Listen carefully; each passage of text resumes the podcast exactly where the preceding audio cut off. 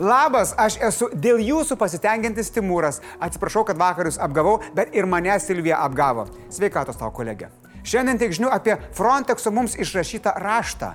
Elono Masko kiniškos kosmoso stoties pastumimą, in memoriam Rusijos sąžinės balsui ir naujus galimybių paso reikalavimus. Lietuvoje dirbantis Frontex, tiksliau jų fundamentaliųjų teisų biuras, apžvelgė mūsų kovą su iš Baltarusijos genamais migrantais ir pasiūlė iš esmės keisti vykdomą apgrėžimo politiką. Anot biuro surinkta pakankamai įrodymų, kad mūsų pasieniečiai taiko kolektyvinį migrantų atstumimą, o tai prieštarauja tartutiniai teisiai ir Europos žmogaus teisų konvencijai. Negana to, Frontex sako, jog galimybė pateikti prieglopšio prašymą oficialiame pasienio kontrolės punkte realiai neveikia. Taip pat anot jų neveikia ir pažeidžiamų asmenų nustatymo sistema. Agentūrai ypač nerima kelia tai, kad tarp atstumtų migrantų gali būti sunkiai sergančių žmonių, tėvų su mažais vaikais, seniorų, nešiųjų moterų ar priekybos žmonėmis aukų. Tai ne viskas, ką rekomenduoja Frontex biuras. Taip pat siūloma migrantus siūsti ne atgal į Baltarusiją, o patiems vežti į pasienio punktus, kurie legaliai galėtų pateikti prieglopščio prašymą. Vidaus reikalų ministerija informavo, kad su rekomendacijomis susipažino, tačiau jos nėra privalomos, tad atsižvelgti planuojama tik į kai kurias iš jų. Ministerija primena, jog ši migrantų krizė nėra natūrali. Ja dirbtinai sukelia psichopatas Sygala Maitinės Morka.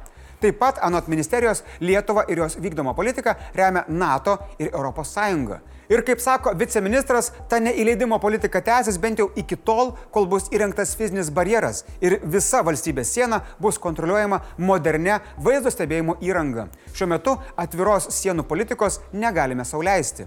Anot viceministro, Lietuva yra atsižvelgusi į ne vieną Frontex rekomendaciją ir pastabą. Pavyzdžiui, Lietuvoje migrantams pagerintos gyvenimo sąlygos. Taip pat jie gauna daugiau informacijos apie migracijos procesus. Įdomu tai, jog jei Lietuva visiškai ignoruos biuro pastabas, Frontex gali nutraukti misiją Lietuvoje. Tačiau viceministras sako, kad ir graikai gauna pilos panašiai, bet vis dar turi ir finansavimą, ir agentūros pagalbą. Žodžiu, viskas bus gerai. O jeigu ir bus blogai, tai nebent pačiam Frontexui. Jeigu Frontexas nepadeda saugoti išorinių sienų ES, ar mums aplamai tokia agentūra yra reikalinga tokiu atveju? Uuu, smūgis į paširdžius. Gerai. Manau, kad metas jūsų komentarams. Klausom Frontexo, nieko nedarom, ar ieškom kažkokio viduriuko. Pekinas pasiskundė Junktinių tautų kosmoso agentūrai, kad Elono Masko palidovai orbitoje vos nepatrinkė Kinų kosminės stoties. Kinijos kosminis know-how Tiangong buvo priversta imtis prevencinės susidūrimo vengimo kontrolės, kai net du kartus Liepą ir Spalį pavojingai priartėjo prie SpaceX palidovų. Jeigu ir jūs bent kartą tušioje aikštelėje sugebėjote važiuoti į vienintelį ten esantį automobilį, turėtumėt suprasti ir užjausti ir įsigyti kasko. Kinai dėl tokių Elono manevrų ne jokiais supyko ir netgi siūlė įmonę boikotuoti. Vieni įjungė škiemą ir klausė, ar ne ironiška, kad tokiom apimtim perkant Teslas, jie faktiškai finansuoja Starlink, o tada Maskas beveik taranuoja jų kosminę stotį. Na, kiti ragino panaudoti Vašingtono mėgstamas sankcijas ir įvesti jas prieš Ameriką. O gadinti santykius su didžiuoju komunistiniu drakonu Teslai visiškai neapsimoka. Ten jie parduoda net ketvirtadalį savo automobilių, o Šanhajoje statosi naują gamyklą. Tai čia beveik taip pat blogai, kaip atidaryti savo šalyje Taivano atstovybę. Nu, šiaip tai ne, jokauju. Čia numušti penkias kosminės stotis turbūt nėra taip blogai, kaip atidaryti savo šalyje Taivano atstovybę. Bet tai ne vienintelis Masko feilas. Teslos reputacija šiemet smuko ir po daugybės elektromobilių avarijų ir skandalų, taip pat kilus abejonių dėl duomenų apsaugos. Man ką tik, žinokit, atrodo, kilo idėja, kaip Lietuva galėtų išeiti iš konflikto su Kinija.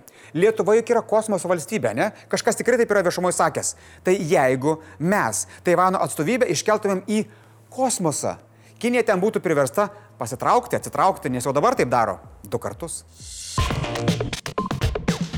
Rusijos aukščiausiasis teismas galiausiai nutarė uždaryti autoritetingiausią žmogaus teisų organizaciją Rusijoje laikomą grupę Memorial. Teismas nurodė uždaryti organizacijos regioninius ir centrinį padalinį Memorial International dėl anksčiau grupiai suteikto užsienio agento statuso pažeidimų. Freedom House atstovas Lietuvoje Vytis Jurkonis sako, kad taip Rusija naikina savo sąžinę. Rusijos generalinė prokuratura vykusiame teismo posėdėje kaltina Memorial dešimtmečius tyrusi stalinizmo nusikaltimus, pastangomis pateisinti nacijų nusikaltelius ir vaizduoti Sovietų sąjungą kaip teroristinę valstybę. Čia tas pats, kai tyrėjas barsukas išsiaiškina, kad lapė vogė kiaušinius, o tada lapė liepia barsukui padėti ženklelį ant stalo. Iš esmės, Sovietų sąjunga šiaip ir buvo teroristinė valstybė. Prokuratūros atstovo teigimu, rusai, nugalėtojų palikonis, yra priversti stebėti bandymus reabilituoti tėvinės išdavikus ir nacijų bendrininkus. Kodėl? Kelia antakį ir klausia jis pats. Tada pats savo atsako. Tikriausiai todėl, kad už tai kažkas moka. Elementaru Vatsonai. Įdomu tik, kaip rusai gali būti tik nugalėtojų, bet ne masinių represijų ar režimo įvykdytų žmogžudyščių palikonimis. Anot to paties atstovo, organizacija buvo įsteigta, kad užsimtų istorinės atminties įamžinimu. Tačiau pastaruoju metu visą dėmesį skiria istorinės atminties pirmiausia apie didįjį tėvinės karą arba antrąjį pasaulinį karą iškraipimui. Oi, tas memorialas tikriausiai drįso papasakoti visiems apie tai, kad karą iš tikrųjų pradėjo Vokietija kartu su Sovietų sąjunga. Prisimenam šios du, ne? Tai visa tai melas. Naujienų agentūra Interfax, cituodama organizacijos advokatą, pranešė, jog ruošiamasi apeliacijai tiek Rusijoje, tiek Europos žmogaus teisų teisme. Na, žinant Rusijos teismus ir Rusijos požiūrį į Europos žmogaus teisų teismą, galiu palinkėti tik didžiausios sėkmės, geriausios kloties ir kitų sparnuotų frazių. Organizacija Memorial buvo įkurta 80-ųjų pabaigoje su tikslu rinkti ir dokumentuoti Sovietų sąjungos vykdytas politinės represijas. Tačiau vėliau pradėjo kovoti ir už žmogaus teisės dabartinėje Rusijoje. O ten, kaip žinoma, tai yra draudžiama veikla. Nuo šiandien įsigalioja baisus basų mamų ir ginklais vaikus ginti pasiruošiančių tėvų košmaras. Vaikai, kuriems yra 12 metų ir 2 mėnesiai, pramogauti galės tik su galimybių pasu paso jiems nereikės tik mokyklose, būreliuose ir kitoms su ugdymu susijusioms veikloms. Tiesa, prezidentas dėl tokio suvaržymo žada kreiptis į konstitucinį teismą. Na, žada apsispręsti, ar kreipsis. O jeigu visiškai tiksliai, tai žada įvertinti, ar kreipimasis išloš papildomus balsus rinkimuose. Premjerė Šimonytė sako, kad turėjo progą su nausėda diskutuoti apie tai ir paaiškino, kad niekas per prievartą neskėpis, o G-pasą vaikai gali gauti ir persirgę arba pasidarę testą. Aušne Armonaitė irgi tikisi, kad prezidentas bus vienoje barikadų pusėje ir skatins skiepytis. Kol prezidentas sprendžia Hamleto dilemą kreiptis ar nesikreipti, verslininkai jau skaičiuoja nuostolius. Palangos viešbučių ir restoranų asociacijos prezidentė Ingrida Valaitinė teigia, jog dėl to sumažės svečių apgyvendinimo įstaigose, nes juk nevažiuosi į spa be vaikų. Nedaug diev dar pailsėsi per tą laiką, o jie tau. Tuo tarpu Vilmorus apklausa rodo, kad beveik pusė respondentų sutinka, kad prezidentas turėtų pateikti skundą konstituciniam teismui. Nepritarė tik penktadalis, o net du trečdaliai nepritarė galimybių pasui 12 mečiams. O nuo šiandien pilnai paskiepytiems pilnamečiams, tačiau sustiprinančios skiepo dozės negavusiems, galimybių pasas galios 7 mėnesius nuo paskutinio skiepo. Tokios pat sąlygos galioja persirgusiems. Po teigiamo antikūnų testo suvaržymai netaikomi 2 mėnesius. Tad jeigu pilnai pasiskiepijote iki vasaros pradžios, tai ding dong priminimas, trečia dozė jau jūsų laukia.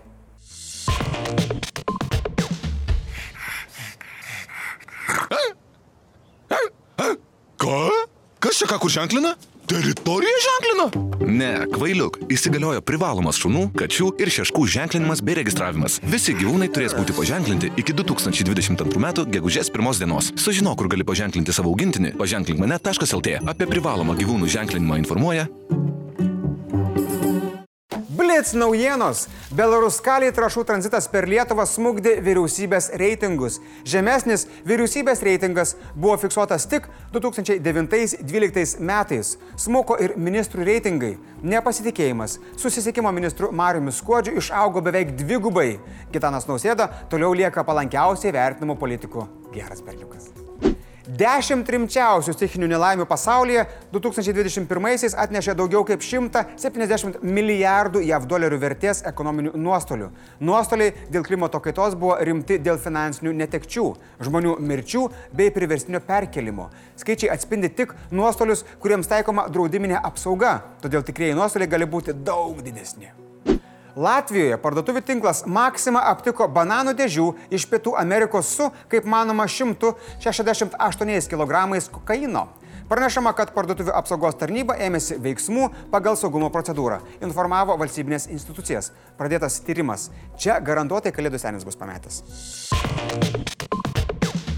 Draugai, primenu šios dienos komentarų temą. Frontexas pasakė, kad pasienį ten mūsiškai, nu, nelabai kažką. Tai ką mes dabar darom? Klausom ir vykdom, neklausom ir nevykdom, ar kažkokio vidurio ieškom. Rašykit komentaruose drąsiai, išsamei, nes aš užuominų nesuprantu, kaip yra akivaizdžiai va šito šuns savininkas.